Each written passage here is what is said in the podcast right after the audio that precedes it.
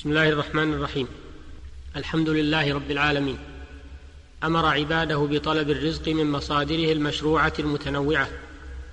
وصلى الله وسلم على نبينا محمد خير خلقه وخاتم رسله وعلى آله وصحبه ومن اتبع هداه وتمسك بسنته إلى يوم الدين.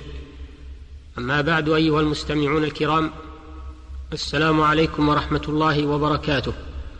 نواصل الحديث معكم في برنامج من الفقه الإسلامي.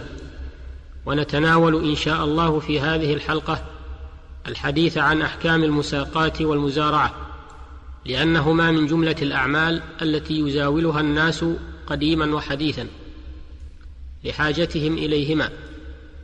فقد يكون في ملك الإنسان شجر لا يستطيع القيام عليه واستثماره. أو تكون له أرض زراعية لا يستطيع العمل عليها واستغلالها وعند آخر القدرة على العمل ولكن ليس في ملكه شجر ولا أرض. ومن ثم أبيحت المزارعة والمساقات لمصلحة الطرفين وتبادل المنفعتين. وهكذا كل التعامل الشرعي فإنه قائم على العدل وتحقيق المصالح ودفع المفاسد. فالمساقات عرفها الفقهاء بأنها دفع شجر مغروس أو شجر غير مغروس مع أرض ليغرسه فيها ويقوم بسقيه وما يحتاج إليه حتى يثمر. ويكون للعامل جزء مشاع من ثمر ذلك الشجر والباقي لمالكه أو بالعكس. وعرفوا المزارعة بأنها دفع أرض لمن يزرعها. أو دفع أرض وحب لمن يزرعه فيها ويقوم عليه بجزء مشاع منه والباقي لمالك الأرض أو بالعكس. فقد يكون الجزء المشروط في المساقات والمزارعة لمالك الأرض أو الشجر والباقي للعامل. والدليل على جواز المساقات والمزارعة حديث ابن عمر رضي الله عنهما. أن النبي صلى الله عليه وسلم عامل أهل خيبر بشطر ما يخرج منها من ثمر أو زرع متفق عليه. وروى مسلم أن النبي صلى الله عليه وسلم دفع إلى يهود خيبر نخل خيبر وأرضها على أن يعملوا من أموالهم ولهم شطر ثمرها أي نصفه. وروى الإمام أحمد أن النبي صلى الله عليه وسلم دفع خيبر أرضها ونخلها مقاسمة على النصف فدل هذا الحديث الشريف برواياته على صحة المساقات وعلى صحة المزارعة. قال الإمام ابن القيم رحمه الله وفي قصة خيبر دليل على جواز المساقات والمزارعة بجزء من الغلة من ثمر أو زرع.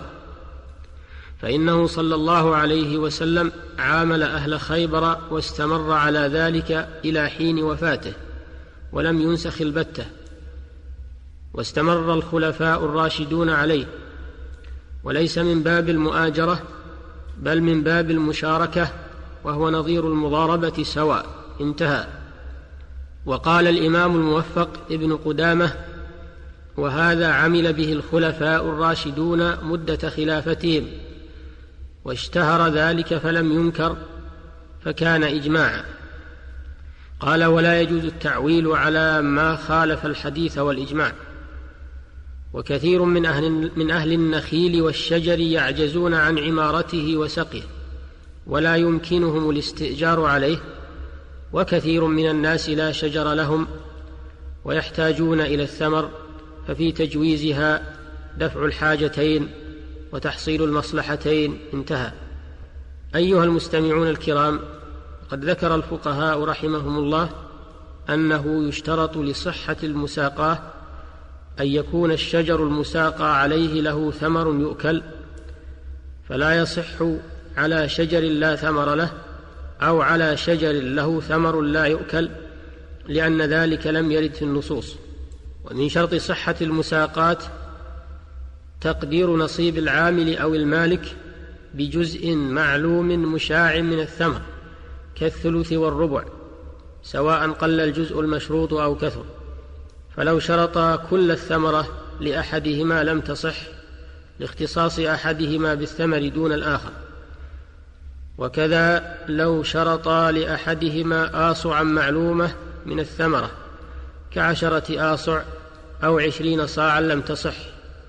لأنه قد لا يحصل إلا ذلك المقدر فيختص به من شرط له دون الآخر. وكذا لو شرط في المساقات دراهم معينة لم تصح لأنه قد لا يحصل من الغلة ما يساويها. وكذا لو شرط لأحدهما ثمرة شجرة, شجرة معينة أو أشجار معينة لم تصح المساقات لأنه قد لا يحمل من الشجر غير تلك المعينة فيختص بالغلة أحدهما دون الآخر أو لا تحمل تلك الشجرة أو الأشجار المعينة فينحرم المشروط له من الغلة ويحصل الغرر والضرر. والصحيح الذي عليه الجمهور من أهل العلم أن المساقات عقد لازم لا يجوز لأحدهما فسخها إلا برضا الآخر. ولا بد من تحديد مدتها ولو طالت مع بقاء الشجر في تلك المدة.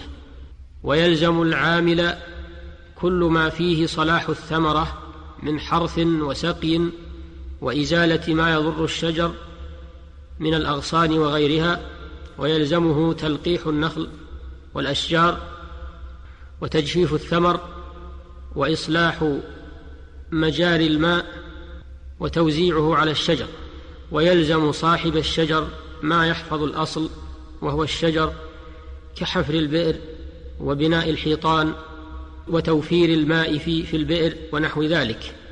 وعلى المالك كذلك تحصيل المواد التي تقوي الأشجار كالسماد ونحوه. أيها المستمعون الكرام إلى الحلقة القادمة بإذن الله.